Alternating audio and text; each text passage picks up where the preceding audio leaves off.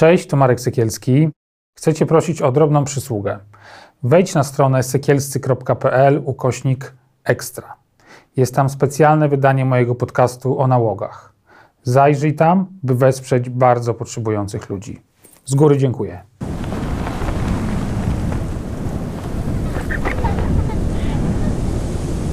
Ten program oglądasz dzięki zbiórce pieniędzy prowadzonej na patronite.pl ukośnik sekielski. Zostań naszym patronem.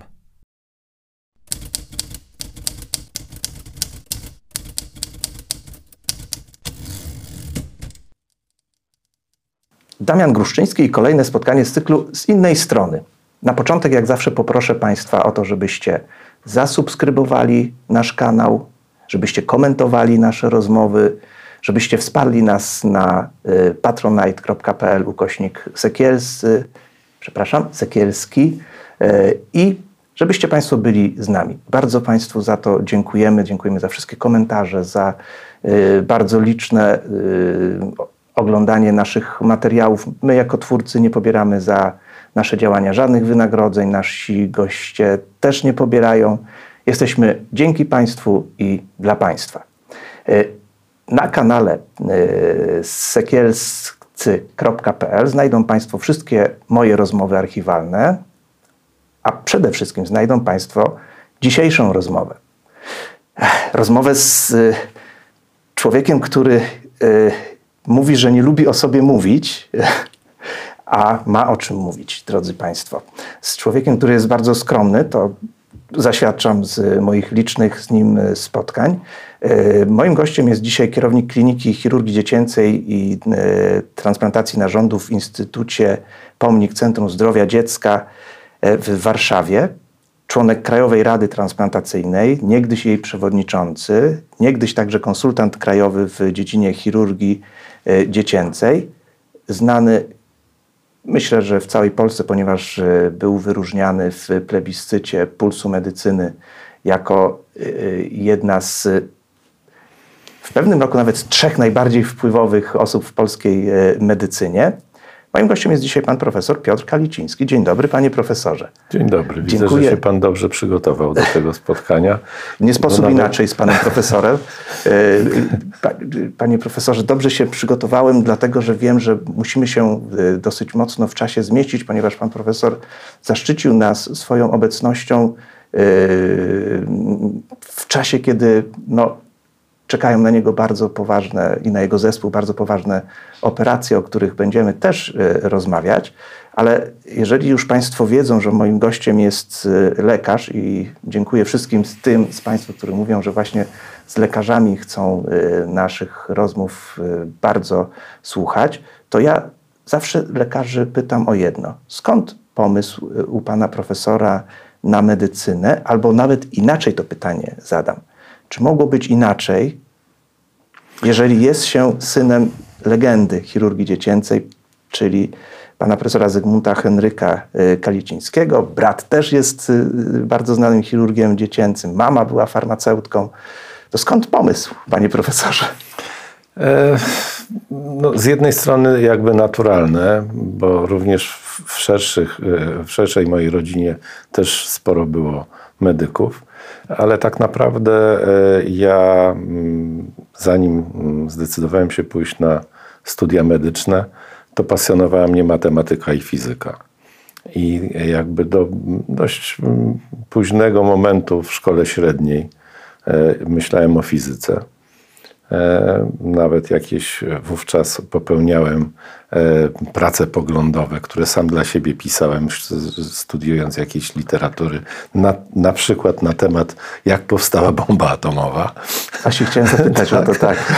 I, e, ale no, potem przeważyła jednak ta atmosfera, która była w domu, chociaż ojciec nie przynosił, starał się przynajmniej nie przynosić Pracy problemów z pracy do domu, chociaż tego się nie dało ukryć, tak jak prawdopodobnie nie daje się ukryć również to, e, co ja e, e, mam w pracy, przychodząc do domu, choćby patrząc na nastrój, na minę, na jakieś problemy, z którymi i na pracę, którą się przynosi właściwie do domu, siadając przy biurku i, i choćby pracując naukowo. To mimo, że to było e, w takim drobnym stopniu to przynoszenie pracy do domu, to mimo wszystko wpłynęło na e, pana profesora jednak pozytywnie, bo decyzję podjął pan e, na tak i rozpoczął swoją przygodę z medycyną. No tak i no, rzeczywiście i poszedłem w tym samym kierunku co ojciec, bo jednak ta medycyna mm, dziecięca, czy praca z dziećmi, jednym odpowiada, innym mnie, mnie odpowiada, y, jest mi bliska, e, to jest szczególny pacjent. E, te jednak czasami opowieści ojca, bo mieliśmy taką, taką tradycję, że rozmawialiśmy o różnych rzeczach w kuchni wieczorami z moim bratem, z ojcem. I, i jednak człowiek się zarażał tym, tą pasją. Poza tym, tym, tym takim no, olbrzymią, za, olbrzymim zaangażowaniem, które u ojca było widać na każdym kroku, ale też pewnym przykładem na postawę życiową, prawda? I którą uważam, że to jest to jedna z najważniejszych rzeczy, jaką możemy swoim dzieciom przekazać. I teraz stara się pan profesor to przekazywać. E, tak, jakkolwiek żadne z moich dzieci nie jest lekarzem i nie poszło w tym kierunku. E, A może jeszcze ma szansę? Nie, już raczej nie.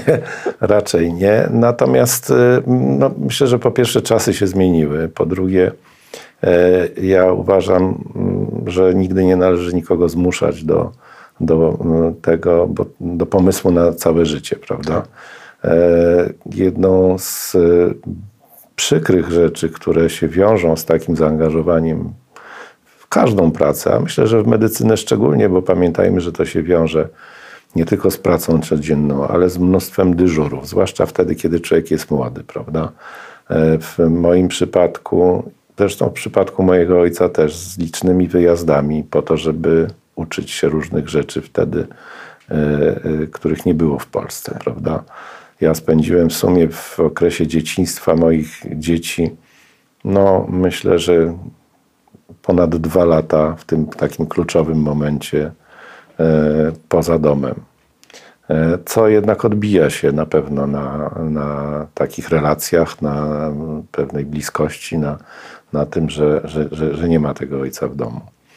Więc to jest ta cena, którą się płaci tak. za to, żeby się kształcić, żeby coś nowego poznać. E, tej pracy właśnie, choćby nawet nie, nie wyjeżdżając, ale będąc no, co, co kilka dni, właściwie 24 godziny poza domem i później często jeszcze następne, e, bo ta nasza praca wyglądała troszkę inaczej. Dzisiaj lekarz wychodzi po dyżurze do domu na ogół, prawda? Myśmy czasami pracowali po dwie, po dwie doby na dyżurze i potem się zostawało normalnie w pracy. To było nienormalne oczywiście, e, no ale takie były czasy. Mm, poza tym, żeby w ogóle przeżyć e, za pensję w ówczesnych czasach, to trzeba było po prostu pracować e, w pracy na dyżurach. Ja dyżurowałem jeszcze w dwóch innych szpitalach. Wtedy takim moim rekordem było 17 dyżurów w miesiącu. No więc mówię, to jest ta cena, którą się płaci. Moje dzieci wybrały inne życie pracują na własny rachunek. Wcale nie widzę, żeby lżej pracowali, szczerze mówiąc, e, ale, mm, ale oni bardziej, właśnie większe, większe e, powiedzieli, że oni nie chcą tak pracować jak ja. E, że chcą być z rodziną bardziej, chcą być jakby więcej czasu poświęcić swoim własnym sprawom, a nie tylko tym zawodowym sprawom. Chociaż tak jak mówię, żeby móc poświęcać e, swoim sprawom, to trzeba też na to zapracować, bo nic nie ma za darmo, więc Dokładnie to dzisiaj tak. nie, myślę, że w żadnej dziedzinie e, nie, nie można powiedzieć, że samo coś przychodzi.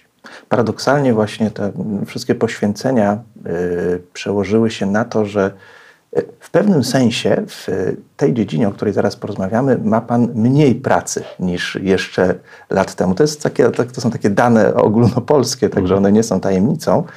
E, panie profesorze, jak się przeszczepia wątrobę u dziecka? Hmm. No, naszymi, naszymi gośćmi i oglądającymi nie są lekarze często No, i sobie pewnie sprawę. by chcieli usłyszeć. E, No, jest, to, jest to jedna z największych operacji w chirurgii, o ile nie największa. E, chociaż trudno się tutaj licytować, bo nie ma prostych operacji, są, każda jest inna. Mm, W bardzo dużym skrócie, mm, 99,9% przeszczepień wątroby polega na tym, że trzeba wyjąć i usunąć chorą wątrobę, tą, która nie funkcjonuje, która jest niewydolna, i w jej miejsce wszczepić wątrobę pobraną albo od zmarłego dawcy, albo od, w przypadku dzieci my często stosujemy przeszczepienie fragmentu wątroby e, pobranego od żywego dawcy, najczęściej od mamy, taty, czasami od e, innych członków rodziny. Więc to jest w takim ogromnym skrócie. A w mniejszym skrócie, jak to rzeczywiście, A w mniejszym to skrócie to jest oczywiście ogromna operacja logistyczna, bo to wszystko musi się, tak jak w transplantologii, no tutaj rodzinne przeszczepienie można zaplanować, prawda? Tak. I, e, ale też musi być zgrane wszystko, ponieważ czas na przeszczepienie od między pobraniem a przeszczepieniem e, musi być jak najkrótszy. My chcemy się mieścić poniżej 10 godzin przy przeszczepieniu od zmarłego dawcy, a w jakichś 3-4 godzinach od, y, przy pobraniu od żywego dawcy. E, I, mm, a czasem pacjent, który y, podlega przeszczepieniu, przeszedł kilka, a czasami kilkanaście operacji wcześniej. I znacznie trudniejsze jest w tych przypadkach usunięcie tej chorej wątroby niż szczepienie e, tej nowej, dlatego że no, ona jest w wzrostach, ona jest w olbrzymich jakichś y, krążeniu krwi nieprawidłowym e, i mm, najdłuższe usunięcie wątroby, które, które ja wykonywałem, w którym uczestniczyłem, trwało 8 godzin. Sama ta część operacji. Natomiast no już w momencie, kiedy już się tą chorą wątrobę usunie, no to po, pozostaje po prostu puste miejsce i trzeba wykonać szereg zespoleń naczyniowych, żylnych, tętniczych i, e, i zespolenie dróg żółciowych, a czasami też zespolenie jelitowe, e, wtedy kiedy się rekonstruuje odpływ żółci z fragmentu jelita. Generalnie w e, pediatrii, w tych, wśród naszych pacjentów dominują dzieci do pierwszego roku życia, później do piątego roku życia i mm, to jest ponad połowa naszych pacjentów. Więc Tu jest problem, taki nies- niespodziewany problem, yy, bo teraz muszą Państwo to wiedzieć. Pewnie wielu z Państwa wie, że yy, może, chociaż tego może nie wiedzą Państwo, że yy, Pan Profesor miał 35 lat, jak yy, yy, po raz pierwszy w udany sposób przeszczepiono wątrobę w naszym kraju. Pan profesor jest no, autorem tego sukcesu, ale z dziećmi jest ten problem, który pan profesor zaznaczył, że one, znaczy, że nie ma tak naprawdę tak dużo zmarłych dawców, dlatego że ponad połowa przypadków to są dzieci do piątego roku życia. Więc yy, była taka luka y, troszeczkę w y, myśleniu o transplantacji, bo zastanawiano się, czy może można od żywych dawców przeszczepić, tylko że y, wątroba to nie nerki, prawda, że nie można się podzielić i przeszczepić jedną nerkę, nie można całej wątroby komuś oddać, e, ale y, to także się udało załatwić. Pan profesor miał wtedy 44 lata, gdy pierwszy przeszczep od y, wątroby od żywego dawcy y, zrealizował, prawda? I, I tu jest właśnie ten problem, o którym pan profesor mógłby nam wspomnieć, że tak naprawdę większość, ponad połowa przeszczepień to są przeszczepienia dzięki, y, no w naszym kraju dzięki panu realizowane. No, to jest praca całego zespołu, to nie jest praca jednoosobowa. Oczywiście tak, w transplantologii musi być lider e, i e, ktoś, kto jakby odpowiada za całość tego projektu z różnych względów i merytorycznych, i organizacyjnych, e, ale to jest praca wybitnie zespołowa, w której każdy odpowiada za swoją część pracy. Czy to jest y, chirurg, czy to jest anestezjolog, czy to jest hepatolog, czy to jest y, koordynator transplantacyjny, czy kierowca karetki, y, która jedzie z wątrobą, która musi dojechać, bo pacjent, który czeka na tą wątrobę, ma w tym czasie już usuwaną swoją wątrobę i nie ma już odwrotu od tej sytuacji. Więc tu wszystko musi grać i każdy musi mieć 100% zaufania do współpracowników. E, I tak mówi tak prawdziwy samo, lider. Tak samo jak tak. wzajemnie musimy mieć do siebie zaufanie z zespołem z Warszawskiego Uniwersytetu Medycznego, zespołem profesora Zieniewicza, wcześniej profesora Krawczyka, Krawczyka e, że e, ten fragment wątroby, który oni pobiorą od osoby dorosłej, będziemy w stanie przeszczepić, co wcale nie jest proste, bo, bo, bo to jest fragment, który no, jest tak pobrany, żeby nie zaszkodzić dawcy E, więc my nie mamy już tam marginesu błędu jakiegokolwiek, mm, e, czy marginesu naczyń, długości i tak dalej. E, I oni muszą mieć do nas zaufanie, że oni operując tą osobę zdrową, która tak naprawdę jest operowana nie z powodu swojej choroby, tylko po to, żeby ratować swoje dziecko czy, czy członka swojego, swojej rodziny, że my tą wątrobę przeszczepimy skutecznie, prawda, tak. że to że nie tam będzie. to nie było na darmo. Tak to oczywiście e, nigdy nie jest tak, że możemy powiedzieć, że w 100% wszystko się uda. Prawda? To są, ja to mówię zawsze, chociaż nie zawsze sobie e, rodzice naszych pacjentów zdają sobie z tego sprawę, że to są granice medycyny. Tutaj nie ma odwrotu, tu każde powikłanie e, jest nie tylko powikłaniem chirurgicznym, ale zagraża życiu pacjenta od razu, ponieważ zagraża przeszczepowi, dzięki któremu pacjent żyje. Wobec czego e, ta odpowiedzialność musi być na najwyższym poziomie e, i każdy musi, tak jak mówię, mm, e, w stu procentach mm, być przygotowany do tego. Mm, dlatego też jest taki moment, wiele lat temu, jak zaczynaliśmy ten projekt, myśmy nie robili tego na chybcika, myśmy tego nie robili w oparciu o o książkę czy, czy o dobre rady, tylko po prostu e, cały zespół e, był przygotowany do tego. Może aż nadmiernie musieliśmy dostać takiego kopa z zewnątrz wtedy.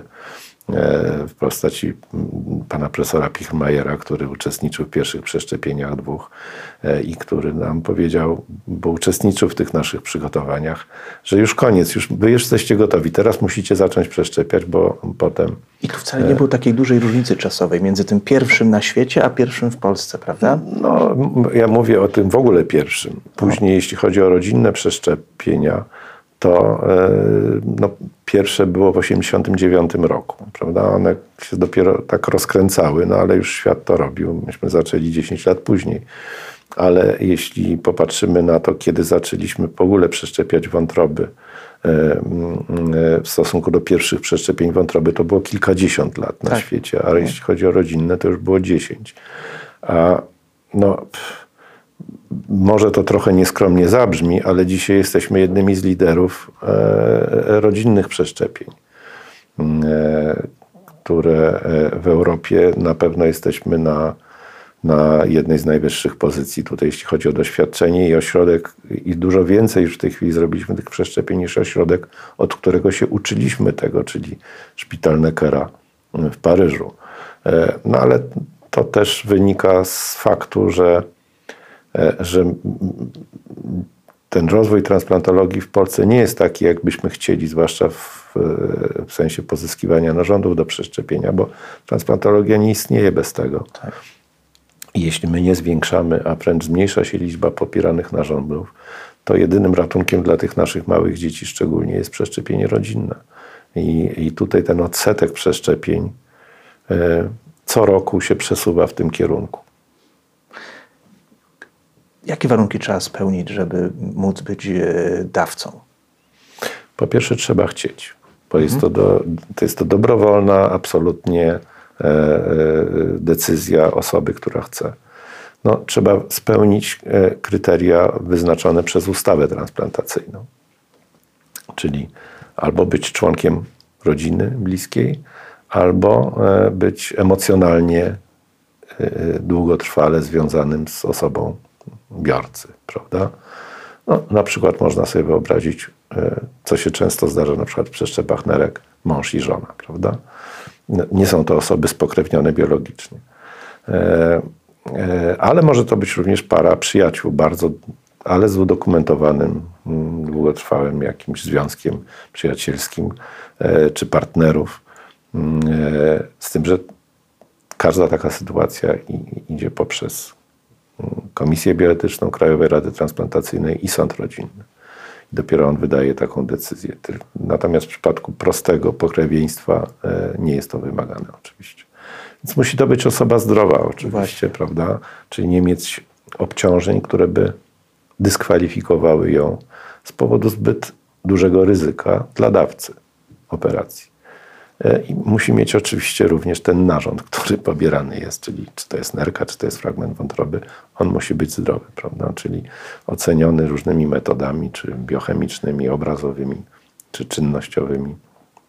Musi e, spełniać kryteria e, dobrego, odpowiedniego narządu, a w przypadku dzieci, zwłaszcza tych najmniejszych, wchodzi w grę jeszcze tak zwana wolumetria, której, której oceniamy po analizie komputerowej badania tomograficznego e, objętość tego fragmentu, który będzie, jest planowany do pobrania i przeszczepienia i mm, jego masę i obliczamy taki wskaźnik masy przeszczepu do masy biorcy i on musi się mieścić w pewnych granicach, bo w innym przypadku jest albo za mała wątroba, co naszych biorców bardzo rzadko zdarza.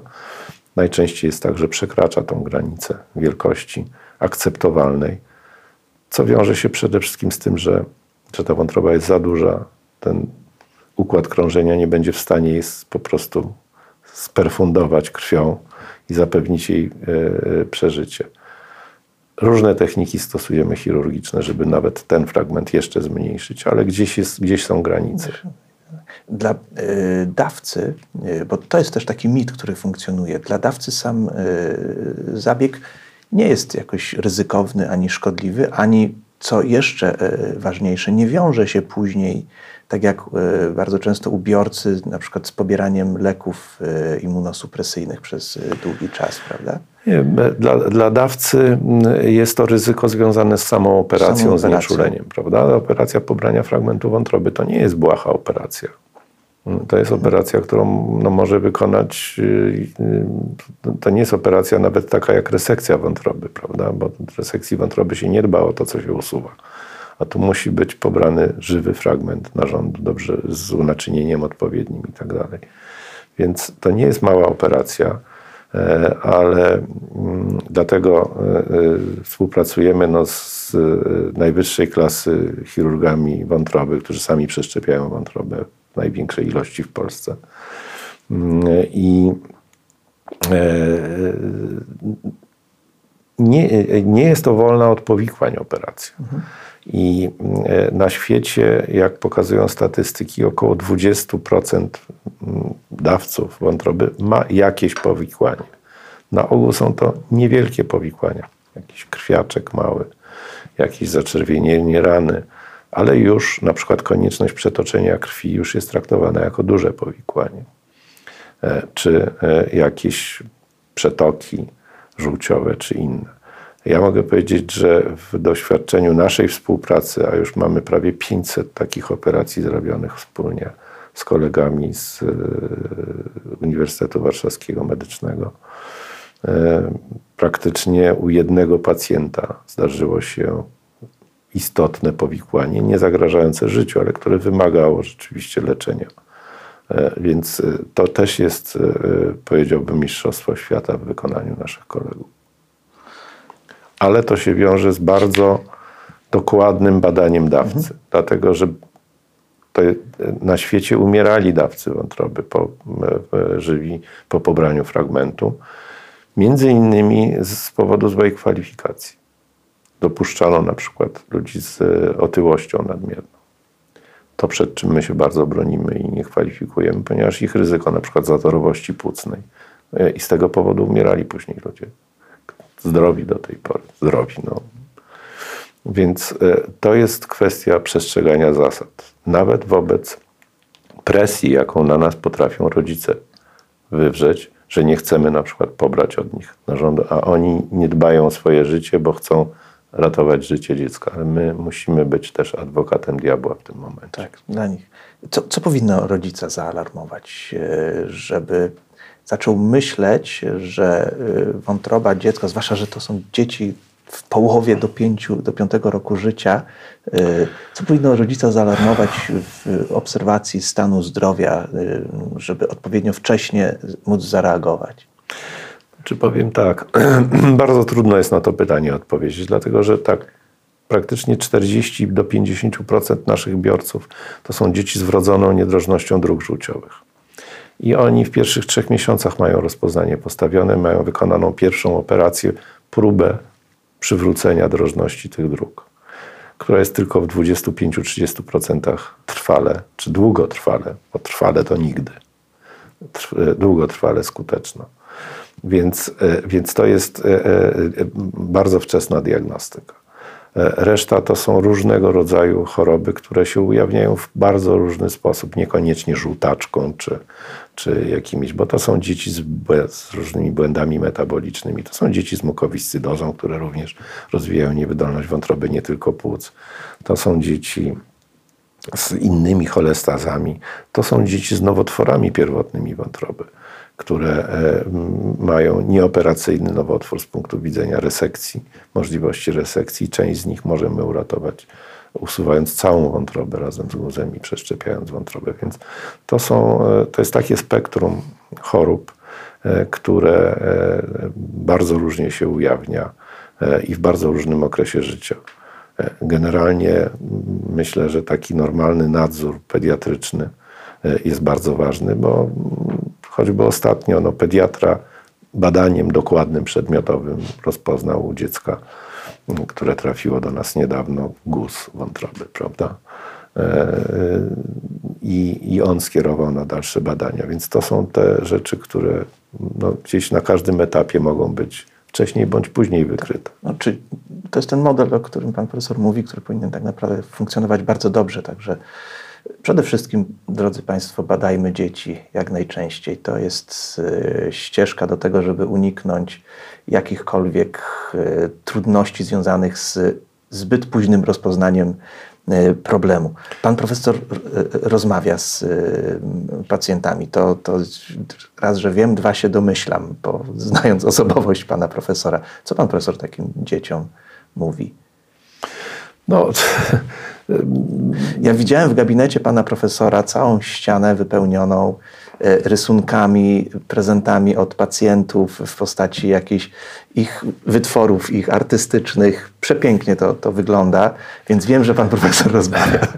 Odsłaniam e, kulisy. Oczywiście, że rozmawiamy. No, dziecko, e, pamiętajmy, mamy różnych pacjentów, prawda? E, ja zawsze mówię, e, bo nie jestem w stanie z wszystkimi na co dzień rozmawiać, prawda? E, na pierwszej linii są lekarze prowadzący i tak dalej. Ale mm, mówię, że zawsze moim kolegom i młodszym kolegom, że kontakt z dzieckiem i z ich rodzicami, komunikacja jest podstawą tak naprawdę wszystkich problemów, jakichś wątpliwości, niejasności. E, również o trudnych rzeczach trzeba mówić, o powikłaniach, o ryzyku operacji, bo mm, dzisiaj często się spotykamy e, z tym, e, że jak zaczynaliśmy przeszczepianie choćby wątroby, ale to się dotyczy wielu, choćby wad noworodkowych, innych, gdzie śmiertelność jeszcze kilkanaście czy kilkadziesiąt lat temu była ogromna E, a tak samo było z przeszczepami wątroby, gdzie pierwsze lata to było 50% przeżyć. Dzisiaj, e, e, z chwilą, kiedy te, te, to przeżycie jest ponad 90%, no, również rodzicom się tak wydaje często, no tak, zrobimy ten przeszczep, już będzie wszystko dobrze, prawda? My musimy ich przygotować również na te ciężkie chwile, na te trudne chwile, bo nie ma E, e, e, przeszczepienia, w którym coś by się nie działo w okresie około czy pooperacyjnym. Czy to jest zakażenie, czy to jest jakaś tam chirurgiczne powikłanie, czy to jest odrzucanie, czy to jest w późniejszym okresie jakieś inne powikłania, e, czy to jest właśnie niezrozumienie do końca tego, że, że, że, że na tym się nie kończy leczenie, tylko tak naprawdę dopiero zaczyna. zaczyna. I że to leczenie, jeżeli nie będzie e, przestrzegane, to dziecko, któremu my chcemy dać perspektywę życia, no tak jak każdemu człowiekowi. Nie parę lat czy kilkanaście, tylko mm, właściwie no, nie, nieograniczone. E, to warunkiem tego jest, jest ta dobra współpraca. No, mamy taki trudny okres. To jest sytuacja znana na całym świecie. No, dzisiaj właściwie chyba najczęstszą, czy jedną z najczęstszych przyczyn utraty przeszczepu e, jest e, moment, w którym E, ten młody człowiek dorasta i zaczyna myśleć, że, że te leki już mu są niepotrzebne, bo on się czuje doskonale, albo wmawia sobie, że jakaś tam śladowa dawka sterydów wpływa źle na jego cerę, albo, mm, albo po prostu zapomina, bo ma innych mnóstwo spraw. I, e, i, I wtedy pojawia się problem, bo nagle się zaczyna e, odrzucanie tego przeszczepienia. Zwykle bardzo późno rozpoznane, bo ileś tam to trwa i bardzo trudno odwracalne, e, a często prowadzące do utraty przeszczepu. I jak w przypadku, nie wiem, nerki na przykład, pacjent wraca na dializę, ale żyje, tak w przypadku przeszczepienia wątroby musi dostać albo nową wątrobę, albo, albo umiera z tego powodu. Więc to jest e, e, rzecz, która, która jest niezwykle istotna. Ta komunikacja, ta e, przewlekła. E, my mamy oczywiście poradnię, do której przychodzi ogromna większość naszych pacjentów na krótkie wizyty kontrolne.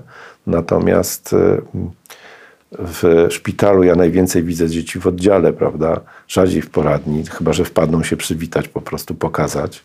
E, mm, to widzimy te, tych pacjentów, którzy mają powikłania, którzy muszą być hospitalizowani. Ale mm, e, i, i, i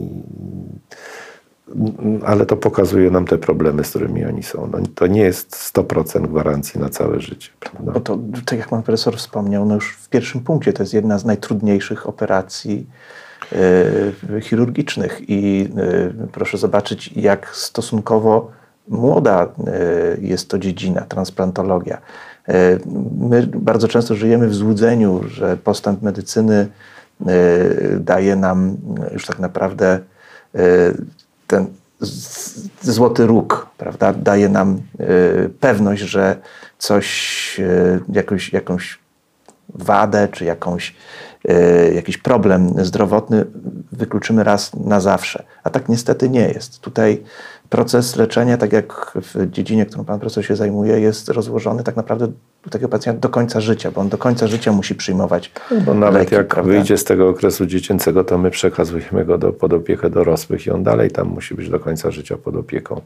Znaczy, z drugiej strony też nie chciałbym jakoś demonizować tego, prawda? Jest jednak ogromny postęp medycyny mhm. i ci pacjenci, którzy no, choćby ci z wrodzoną niedrożnością dróg żółciowych, to, ta większość naszych pacjentów, do, do ery transplantologii, ich życie właściwie nie, 95% z nich nie przeżywało do wieku dorosłego. Bo, bo, nie było żadnej dalszej alternatywy. Więc no, to jest, a dzisiaj, jak się na, tylko na tą grupę popatrzy, to ponad 90% z nich e, przeżywa do wieku dorosłego. E, I no, jakby no, przechodzi dalej i wcale nie, nie, to nie znaczy, że dalej mają normalnie nie funkcjonować, prawda? Więc, e, więc e, to jest e, ogromny postęp, który się dokonał. Ogromna wiedza nie tylko w chirurgii, bo ta chirurgia też bardzo się zmieniła, ale we wszystkim, w immunosupresji, w leczeniu zakażeń, zakażeń wirusowych. Na początku umierali nam pacjenci, którzy ginęli z powodu zakażenia wirusem cytomegali. Wtedy nie było leków przeciwwirusowych y, w latach 90. na początku. Ja pamiętam, jak byłem w Stanach Zjednoczonych, to te leki, te leki immunosupresyjne, które dzisiaj są rutyną, tam były zakodowane i y, y, w badaniach klinicznych. W Polsce pojawiły się dopiero po jakichś 7-8 latach, i w tym czasie nam pacjenci umierali. Z, z, z tych powodów, bo nie mieliśmy ich jak leczyć. No ale na tym polega me medycyna. No pewne rzeczy wchodzą, muszą być przebadane, prawda? I dopiero wchodzą do takiego rutynowego e, użytku. Czyli trzeba tak naprawdę realnie patrzeć na możliwości, ani niezbyt demonizować, ani e, nie upraszczać e, tego podejścia. Ja na ścianie u pana profesora jeszcze jeden typ zdjęć widziałem. Pamięta pan profesor swój pierwszy koncert jazzowy w życiu? Kto to był, jeżeli pan Szczerze, pamięta? że nie, chyba, Jazz Jamboree. chyba, chyba nie, nie wiem, czy to było Jazz Jamboree. Nie? Na pewno zaliczałem większość Jazz Jamboree w sali kongresowej od szkoły średniej, do, dopóki były jeszcze tam e, koncerty. No, był klub Akwarium słynny, prawda? Nie, Były różne inne kluby. Powiem szczerze, że nie pamiętam, jaki był pierwszy e, koncert, ale mm, być może jednym z pierwszych były koncerty w Medyku, w klubie naszym mm, e, e, wówczas Akademii Medycznej, dzisiaj Uniwersytetu Medycznego, ponieważ tam e, e, wiele z tych e, grup jazzowych e, wówczas e, miało próby po prostu, a ja dość aktywnie wtedy działałem tam. W, e, I były festiwale komedowskie filmów z muzyką komedy. Co roku były w Medyku. E, Więc z tą muzyką jazzową właściwie ja tam miałem, e, ale tak naprawdę z jazzem ja się zetknąłem już w szkole średniej dużo wcześniej, więc myślę, że, że to była taka kontynuacja. To nawet nie jeżeli pierwszy koncert, to z tamtych czasów taki, który zrobił na panu największe wrażenie, że do dzisiaj go pan pamięta. No, e, na pewno Jazz Jamboree. Jazz Jamboree było takim świętem jazzu co roku. E, Ja mam do tej pory przed oczyma tą salę kongresową, gdzie co roku się spotykało te same osoby, których się nie znało, ale z twarzy się je widywało, prawda? Widywało się e, pana Karewicza, który fotografa e, zawsze, prawda, który fotografował e, wszystkich właściwie jazzmenów chyba e, e, na świecie ważniejszych sfotografował. Widywało się e, mnóstwo e, znajomych, przyjaciół. E, No, mm, także e, no, i, i była ta atmosfera niespotykana tak naprawdę. Więc, więc to jest coś, co się pamięta. e, I te koncerty się nie kończyły, dopóki e, publiczność nie zdecydowała, że już będzie koniec i muzycy nie padali. Prawda? To nie było tak, że od do. Ja pamiętam koncerty czasem bardzo trudnego jazzu, na którym siedzieli wszyscy, nie wiem, do pierwszej, drugiej w nocy i, i, i jakby nie chcieli wypuścić tych muzyków z, z sali kongresowej. Kogo, kogo, jakich artystów pan spotykał wtedy? No wtedy z polskich, no to byli cała, cała nasza dzisiejsza czołówka, prawda? Ptaszyn Wróblewski, Tomek Stańko, e, Krzysztof Ścierański, Trzaskowski. E, no, kogo by tu nie, nie, nie, nie wymienić z tych, z tych czasów, prawda? E, nie widziałem na żywo nigdy komedy, prawda? Bo to trochę już jednak nie te czasy były.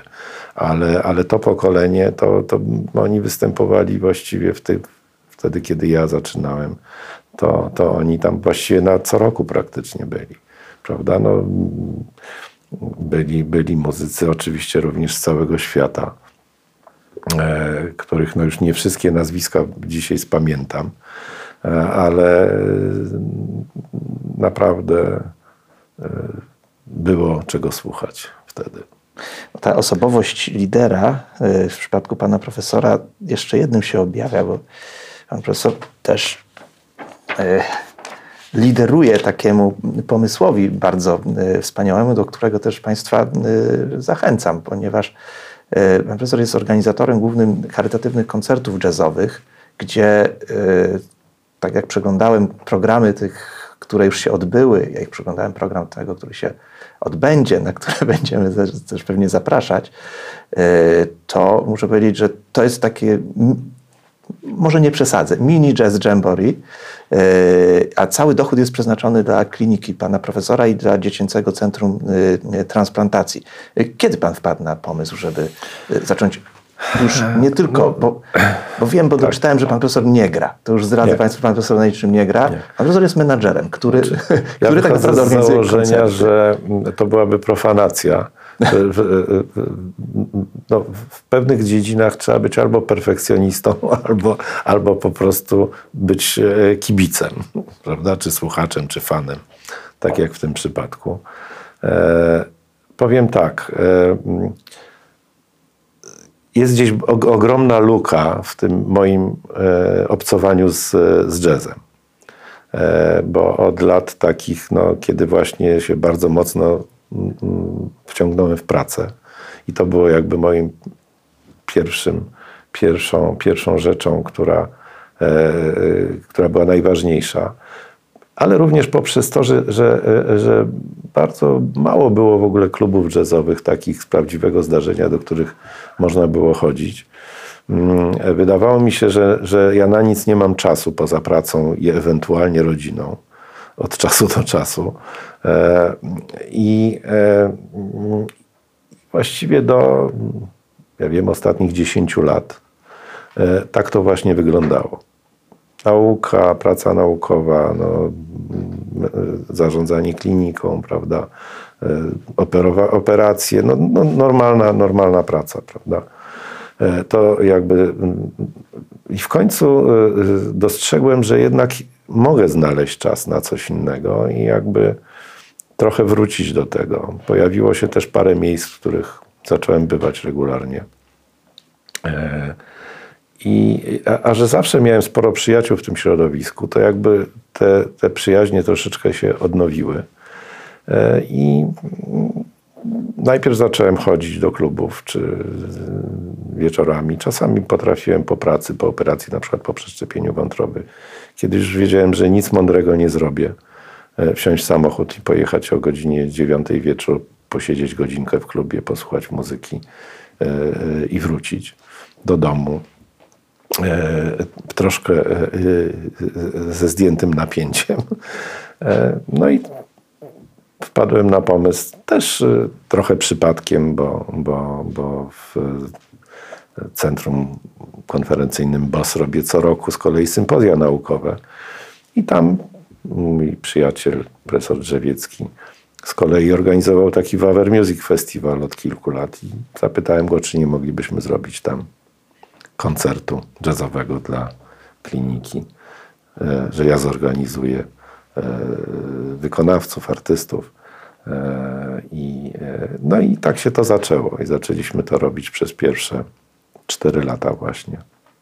Tam w tak zwanym Starym Młynie, w takiej wielkiej stodole. To też z unikalną atmosferą się wystąpiło. No, na każdym koncercie trzech wykonawców, znakomitych zresztą, więc w sumie 12, 12 artystów czy 12 zespołów mm, przez te 4 lata. No a mm, w ostatnim roku e, z kolei na, nawiązałem kontakt jakby z mm, dyrekcją Teatru Roma Muzycznego. No, z taką chęcią wskoczenia troszeczkę na inny poziom w sensie, w sensie miejsca, e, również dwa razy wię- większa publiczność, co się przekłada na cel charytatywny, no bo z tych biletów są potem środki, z których robimy różne rzeczy w oddziale, remontujemy, kupujemy fotele dla rodziców, e, czy, czy jakiś sprzęt medyczny, czy, czy inne rzeczy. I, e, I ten ostatni koncert e, był w Teatrze Roma. Zresztą też wspaniały koncert. No i najbliższy też będzie w Teatrze Muzycznym Roma. Proszę o tym koncercie, który będzie opowiedzieć, bo o tym, który już był, to drodzy Państwo, no, niestety przeminęło. Można może jeszcze gdzieś obejrzeć, bo to rzeczywiście są... Owszem, Pan profesor jest, jak mówiłem, skromny. On nie mówi, jakie tam nazwisko, nazwiska Można e, i obejrzeć, można występują. obejrzeć. Można? Można, ponieważ ten koncert był e, nagrany i filmowany przez Jazz Television. Świetnie. E, I te koncerty, tam były trzy koncerty, Aha. jeden po drugim. Każdy oddzielnie e, będzie, właśnie niedawno dostałem już ostateczną wersję tych koncertów. Są fantastycznie nagrane i, A i gdzie sfilmowane. będzie można je obejrzeć? E, e, Na WP Pilot. To jest zrobimy- Jazz Television. Dobrze. I tam są te koncerty, zresztą tam oni również nas wspierają w tym sensie, że na pasku leci konto naszej fundacji, którą można wesprzeć. Więc to jest jakby kontynuacja tego. To w opisie naszej rozmowy też, też podamy te dane. wystąpił Wojtek Mazolewski z zespołem wystąpił, Adam Makowicz i e, Grażyna Augustik z Bester Quartet. W ogóle coś, coś fenomenalnego po prostu. Warto po, posłuchać i po, pooglądać. No ale mówimy o przyszłości. O tak? przyszłości. Tak. 14 marca, to jest poniedziałek o 19 w Teatrze Muzycznym Roma. Wystąpi pani Ewa Bem z kwartetem e, Andrzeja Jagodzińskiego. E, No, co tu można powiedzieć? No właściwie wystarczy. Drodzy Państwo, ja idę na pewno. To już, E, już Ewa Bem, która nie występowała przez kilka lat, teraz wraca pod hasłem Od nowa. E, I są to koncerty unikalne, przepiękne. I e, bardzo się cieszymy, że udało nam się namówić panią Ewę Bem na występ na tym koncercie, ale ponieważ trady- tradycją tych koncertów jest, że występuje kilku wykonawców, po raz pierwszy mamy w poniedziałek ten koncert w ramach cyklu e, Dobry Wieczór Jazz, bo poprzednie były w soboty albo w niedzielę. No to już będzie tylko dwóch wykonawców, ale za to, tak jak powiedziałem, z e, ogromną renomą. I w tym roku będzie po raz pierwszy, e, chociaż już w zeszłym byli zagraniczni artyści, bo e, Grażyna Augustik i Adam Makowicz są polskimi, ale jednocześnie amerykańskimi artystami. E, To będzie e, znakomity zespół z Norwegii, Matthias Eik Quintet, to jest zespół i sam e, jego lider e, nagrywają dla najlepszej wytwórni płytowej ECM e, jazzowej w Europie. E, Nagrywają z najlepszymi muzykami i mogę powiedzieć, ponieważ ja sam wymyślam tych artystów, i to jest tak, że ja ich w ogóle nie znam. Ja ich słucham ich muzyki. Ja po prostu napis, piszę do nich. I bez problemu, y, ponieważ podoba mi się ich muzyka, to y, oni się zgodzili. Wiedzą, że to jest charytatywny koncert. Naprawdę na specjalnych warunkach występują nawet zagraniczni ar- artyści. Y, I, no i w ten sposób udaje mi się właśnie tych artystów ściągnąć. Czasami po prostu sam piszę, a czasami wykorzystując różne przyjaźnie właśnie w tym środowisku, e, udaje mi się dotrzeć do tych, których ja e, bardzo kocham jako artystów. E, I w ten sposób wystąpili no, na tych naszych koncertach tacy artyści jak Marcin Wasilewski, jak Adam Bałdych, jak Kuba Wadach, jak Gary Gutman, jak e, Krzysztof Ścierański, no, jak Monika Bożym, e, Toma, e, Piotr Schmidt. No, mnóstwo, nie wszystkich wymieniłem, ale artystów, których naprawdę mają co robić.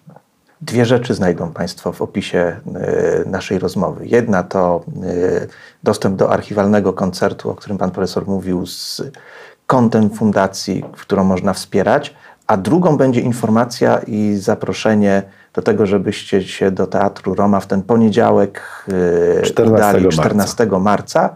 E, Bilety jeszcze są, chociaż już pewnie nie za dużo. To jest naprawdę jedyna okazja, żeby słuchając dobrego jazzu e, wesprzeć jeszcze szczytny e, cel, do czego Państwa zachęcam. Na koniec dwa pytania do Pana Profesora. Krótkie. Jakie jest Pana Profesora marzenie jako lekarza?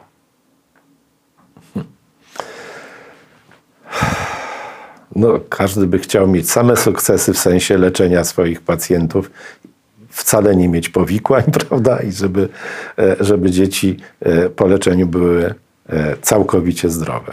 To jest e, marzenie oczywiście, e, ale ja powiem tak, może już ja dzisiaj patrzę troszeczkę z, e, chociaż ciągle czuję się pełen napędu, i, ale jednak lata lecą.